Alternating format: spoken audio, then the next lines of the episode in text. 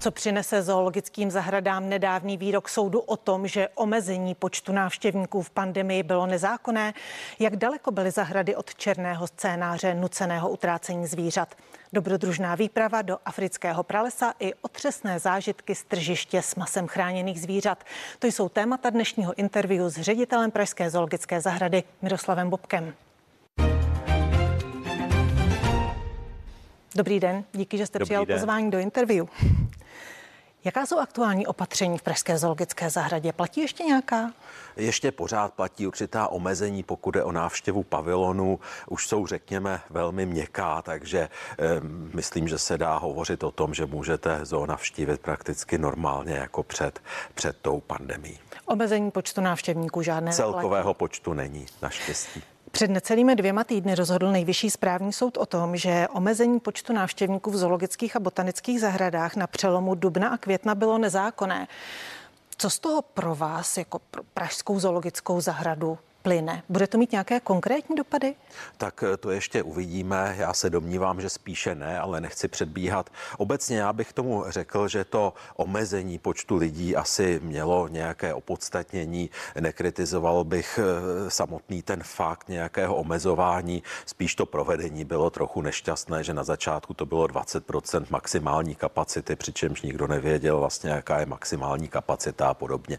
Nicméně, abych se nevyhnul té vaší otázce, pochopitelně my se musíme chovat s péčí řádného hospodáře, takže si musíme také nechat prověřit, jaké případně kroky bychom mohli udělat, ale jak říkám, spíš tedy bych nečekal, že z toho vyplyne něco praktického pro nás. Přichází v úvahu tedy vymáhání nějaké náhrady škody případně? Bavíme se zatím v teoretické rovině, určitě teoreticky ano. Máte obavy z dopadu případných dalších restrikcí, i když ministerstvo zdravotnictví a vlastně potažmo eh, vláda říká, že eh, další plošná opatření nebudou, nicméně počet eh, nakažených v posledních dnech stoupá? Tak pochopitelně máme obavy z toho, jak se zase ta epidemie vyvine a jaká by případně byla ta opatření. Pochopitelně já bych znovu zdůraznil, že hlavním problémem je COVID-19 až sekundárním problémem jsou, jsou ta opatření, ty, ta vyplývají ve směs té situace, i když někdy třeba si můžeme říkat, že by to mohlo být jinak, ale podstatou skutečně je šíření toho onemocnění. Takže jistě bojíme se, aby znovu eh, se to nerozjelo víc a, a nespůsobilo to další problémy, jak pro nás přímo, tak pochopitelně i nepřímo. Říkal jste si během pandemie vícekrát, že by ta opatření mohla být jinak? Eh, víte, to je takové, to už jsme v úrovni Facebooku, kdy každý, kdo eh, jenom zahlédl někde něco nebo zaslechl, tak si říká, jak by to udělal jinak. Já nechci být v pozici eh, takového toho znalce fotbalu, když se hraje fotbalové mistrovství, znalce politiky, znalce epidemiologie. Nechci se k tomu vyjadřovat. Na konci března rozvířil debatu kolem pandemie a zoologických zahrad ředitel Královéhradecké zoo Přemysl Rabás, když upozornil na možný černý scénář kvůli uzavření zahrad v podobě utrácení zvířat. Na to konto potom byla schválena 80 milionová finanční injekce pro zoologické zahrady od státu. Jak blízko nebo daleko byl takovýto černý scénář? Buď toho dávat zvířata do zahraničních zoologických zahrad, po případě je utrácet. No tak, když bychom se měli bavit o tom utrácení a když budu mluvit tedy za Zoo Praha, abych nemluvil za nikoho jiného, eh, tak ten byl světelná léka, léta daleko. Prostě tam my jsme byli nuceni dělat úspory, ale ty úspory bychom dělali ještě hodně dlouho, eh, než bychom začali uvažovat o tom, že se začneme zbavovat zvířat a zbavovat právě ve smyslu jejich přesunu jinam. Že bychom je utráceli proto, že nemáme krmení, to je pro mě něco naprosto nepředstavitelného a to už opravdu bychom byli v úrovni katastrofy. To by muselo být opravdu, musela být situace naprosto tragická a o té naštěstí jsme pořád ještě všichni, celá společnost byli daleko. A proč si myslíte, že tento výrok padl? Já nechci spekulovat, proč někdo něco Mohla být. Královéhradecká zoo na tom hůř? O hodně hůř? Ne, nevím, jestli na to mohla být o tolik hůř, aby, aby tohle eh, bylo oprávněné říkat. Je otázka, jestli to nebylo jenom nějaké hypotetické, eh, jenom nějaké úvahy, co by eventuálně mohlo být a jestli to nebylo řečeno trochu neobratně, ale nevím, já jsem to neřekl, nechci se vyjadřovat k výrokům. Jako Obecně další. utrácení zvířat v zoologických zahradách. Vy jste na internetových stránkách Pražské zoo v červnu zveřejnili otázky, které vám přišly právě na téma utrácení eh, zvířat a jejich spisatelé žádali odpovědi na základě zákona o svobodném přístupu k informacím. Eh, týkalo se to utrácení nadbytečných zvířat. Proč jste, proč jste ty otázky vůbec zveřejňovali? No, aby bylo vidět, jak jsou nekompetentní, protože v těch otázkách se vycházelo z naprosto milných informací. Ale když se na to ptáte, tak samozřejmě zoologické zahrady řeší problém e, utrácení zvířat přebytečných, respektive vůbec toho takzvaného managementu populací zvířat v zoologických zahradách. Ono je to tak, že e, jsme vlastně hodně dobří v tom, že na rozdíl od těch minulých dob jsme schopni zvířata velmi dobře rozmnožovat, že nemusíme brát přírody, naopak spíše do přírody vracíme. Ale zase to není tak jednoduché, že když máte nadbytečná zvířata, takže je někde vysypete z bedny do přírody a že, že tím něčemu pomůžete. Tak to určitě není. Vůbec je to tedy velmi složitá problematika, jak k tomu přistoupit. Ono můžete pochopitelně dávat antikoncepce, oddělovat samce samice, abyste neměla ta přebytečná mláďata, ale vždycky to je nějaký nepřirozený stav, eh, který ta zvířata může stresovat, nebo zase, když, když se včas nezačnou samice rozmnožovat, typicky velkých kočkovitých šelem, tak potom vlastně tu schopnost rozmnožování ztratí a trpí i různými chorobami. Takže nakonec dospějete k tomu, že u většiny druhů druhů nejlepší je ta zvířata množit. No ale potom vzniká otázka, co s těmi mláďaty. To je otázka, která rezonuje ve společnosti už řadu let. Podle mě se to otevřelo případem Mária nebo Máriuse, jak chcete, žirafího samce v Konaňské zoo, který tedy byl známý pod tím jménem Marius, pak byl utracen, pak tedy veřejně rozporcován a skrmen. To vyvolalo řadu otázek, značné pobouření, které já z části sdílím. Ale podstata je ta, že prostě, když máte přebytečného žirafího samce, tak si kladete otázku, co s ním. My jsme to vždycky nějak vyřešili. Vždycky jsme našli chovné zařízení, kam jsme ho mohli dát. Třeba i za tu cenu, že jsme zaplatili přepravu a podobně. Ale jednoho dne také k tomu budeme muset přistoupit, protože prostě ty žirafí samce není kde chovat. Nebo podobné to je s mláďaty některých velkých kočkovitých šelem. Čili my to Zatím jsme k tomu nepřistoupili v případě těchto typů zvířat, ale dříve nebo později k tomu přistoupit budeme také muset. A konec konců takovým sekundárním důvodem zveřejnění toho materiálu a našich odpovědí zejména bylo právě eh, to podrobněji mnohem, než to říkám tady, veřejnosti vysvětlit. Vy jste říkal, že zatím kočkovité šelmy, po případě uh, žirafy neutrácíte. Utrácíte nějaká jiná zvířata právě kvůli nadbytečnosti? Děje se to u některých kopytníků v úvozovkách třeba kos, které pak, které pak skrmujeme. Nemluvě tedy o zvířatech třeba z dětské zoo, ovce, kozy podobně. Když se vrátíme k situaci v Pražské zoo v souvislosti s pandemí, jak rychle se vracejí návštěvníci? to je otázka poměrně složitá paradoxně, protože Zoo byla zavřená, pak byla otevřená s těmi omezeními, to, to pochopitelně návrat návštěvníků přibržďovalo. O prázdninách já jsem se bál, že hodně budou chybět zahraniční návštěvníci. Ne, že by nechyběli, ale v průběhu léta je nahradili naši návštěvníci. Čili my jsme vlastně třeba v srpnu, i když těch turistů tu pořád bylo málo, tak jsme se dostávali na ta čísla, na která jsme byli zvyklí na doby, na doby, na, z doby před pandemí, kdy tedy těch turistů zahraničních zahraničních tu byly spousty. Teď po skončení prázdnin to šlo zase dolů. Najednou zase ti turisté chybí, protože logicky skončili dovolené, začal školní rok, našich návštěvníků už je méně a nejsou schopni nahradit, jak se mi zdá, po tom prvním týdnu, deseti dnech, nahradit právě ten, ten turistický ruch zahraniční. Uvidíme, jak se to bude vyvíjet porovnání s lety před pandemí, jak dopadne letošní rok? Co předpokládáte tedy eh, podle znalosti těch eh, čísel počtu návštěvníků doteď? Já si netroufám to odhadovat. Konec konců jsme se bavili o tom, že nevíme, jak se to bude vyvíjet s covidem, ale Eh, já doufám, že uděláme ten milion návštěvníků. Teď jsme překročili 700 tisíc za letošek, i když bylo zavřeno a podobně, takže ten milion snad by mohl být, pokud tedy se nestane něco, něco výjimečného, nebo pokud jsem se zkrátka nepřepočítal. Eh, čili jinými slovy, budeme tak mínus asi 400 tisíc návštěvníků ve srovnání s dobou před covidem. Jaký je účet Pražské zoo za pandemii? A podařilo se díru ve financích nějakým způsobem zalepit? Tak eh, my jsme to uváděli v době, kdy ZO se otevírala, že to je hodně přes 100 milionů korun, 130, eh, 140.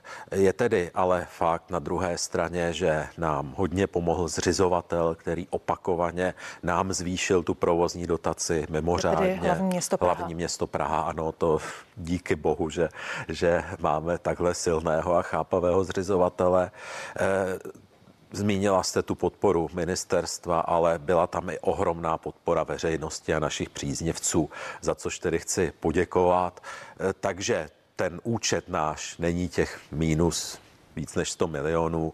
Z rezerv jsme čerpali mnohem méně, něco jsme ušetřili a podobně. Takže když by teď COVID-19 skončil, tak si řeknu, sláva je to za námi a neřešili bychom příliš nějaké e, ztráty, které byly, to, to, to už by bylo vyřešeno. Bohužel v tuto chvíli už víme, že začíná čtvrtá vlna a covid nekončí. E, nicméně během pandemie vy jste nepřišli jen o peníze, ale také o gorilí, e, gorilu Bikiru, tak to jak, jste, jsme, jak to... jste se s tím vyrovnávali, jak se s tím vyrovnávala vlastně ta tlupa? Tak to my jsme přišli bez pochyby o víc zvířat, eh, bez souvislosti teda eh, s covidem. Jo. Ani Bikera, byť tam bylo to podezření, tak neuhynula v důsledku covidu. V případě Bikery samozřejmě to ale byla významná ztráta, bez pochyby. Gorilí samice v Praze byla poměrně dlouho a my jsme se s tím vyrovnávali paradoxně možná hůř než ta gorilí tlupa. Ono si musíme uvědomit, že Bikira vlastně byla odchována uměle, nikdy mezi gorily v žádné zóně nezapadla. V Praze se ještě pořád měla tak jaksi nejlépe z těch míst, kde byla umístěna, ale také ona se mezi těmi gorilami cítila trochu jako cizinec. Takže to vedlo konec konců, já jsem přesvědčen i k řadě jejich problémů psychických i somatických. No a ta gorilí tlupa se s tím vyrovnala právě z těchto důvodů poměrně rychle. Vlastně, jak říkám, rychleji možná než chovatelé nebo nebo než někteří, někteří z nás. Ředitel Pražské zoologické zahrady Miroslav Bobek je hostem dnešního interview.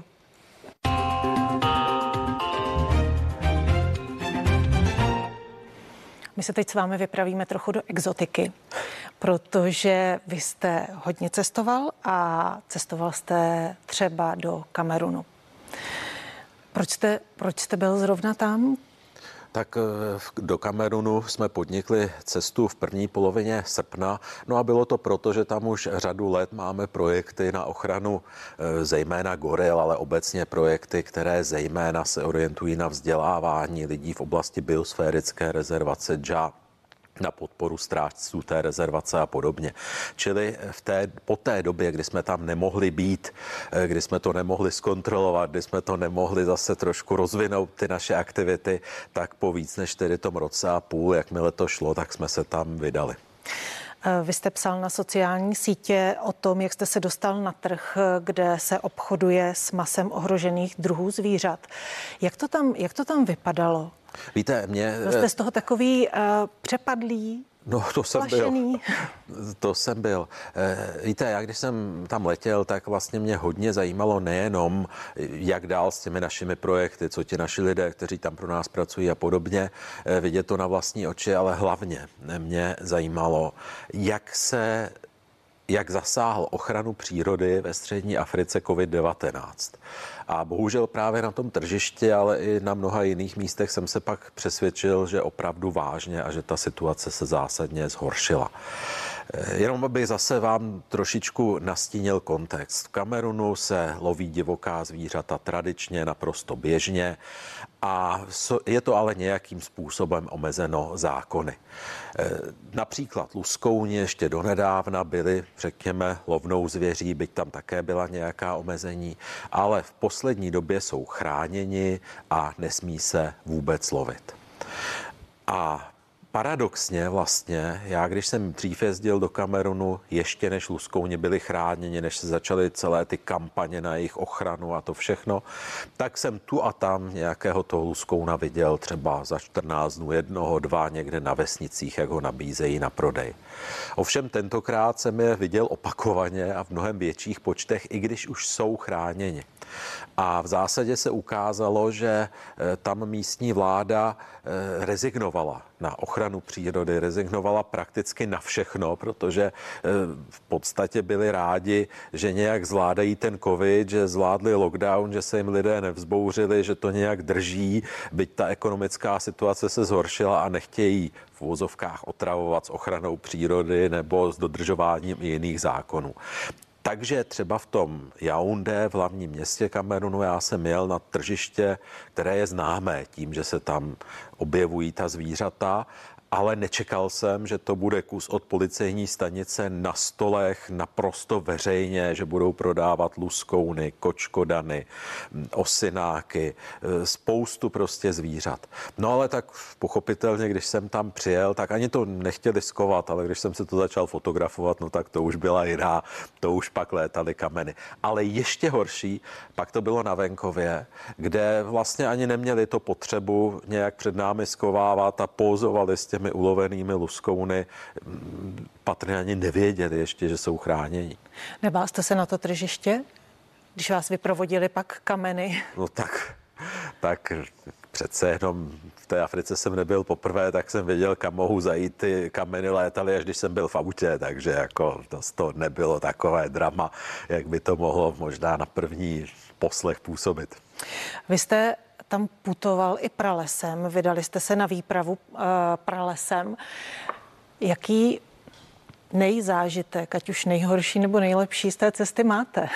Eh, víte, to, to bylo v Džá, já jsem tam nešel poprvé do pralesa, tentokrát mi šlo o to, u Mítiny Boamir vznikla taková výzkumná stanice, chtěl jsem to vidět, chtěl jsem vidět, jak fungují tam ti strážci, které podporujeme. Krom toho tedy také jsme tam nahrávali zvuky pro náš nový pavilon Goril. Eh, ta cesta měla eh, víc významů. No ale když jdete do té, do té džungle, no tak tam především, jak si to podnebí nebo to klima v tom, v tom lese, to, to vás determinuje, determinuje naprosto zásadním způsobem, protože je to horko a hlavně vlhko, takže okamžitě jste promočená. I když jdete třeba po pěšinách, tak neustále něco přelézáte, podlézáte, zakopáváte a když takhle máte jít třeba 30 kilometrů, no tak to, to si sáhnete na dnosil, nebo aspoň já jsem si, já jsem si tedy sáhnul na dnosil. Ale bez pochyby je to nesmírně nesmírně, nesmírně zajímavé a poučné. Když eh, vzrostlo během pandemie, nebo asi vzrostl počet pytláků, nebo pytláctví eh, celkově, eh, nebál jste se právě pytláků?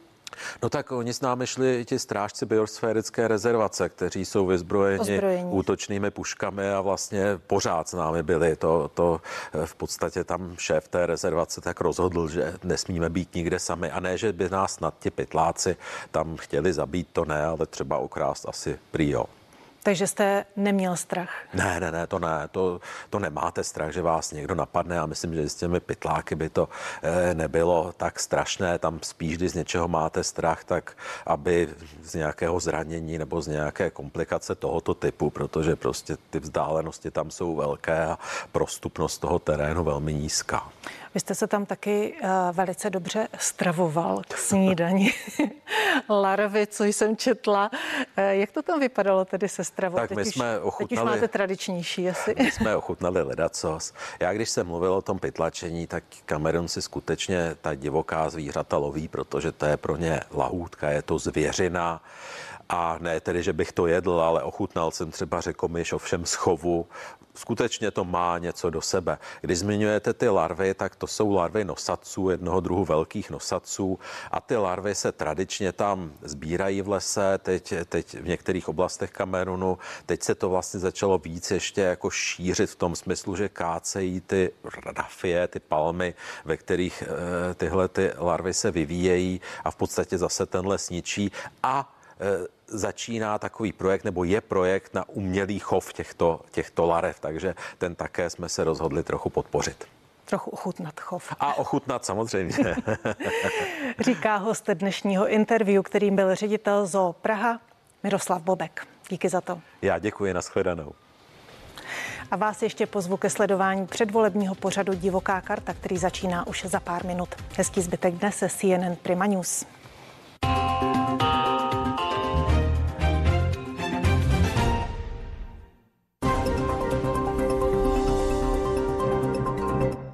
Krimi zprávy přinášejí svědectví o situacích, ve kterých bychom se nechtěli ocitnout, ale o kterých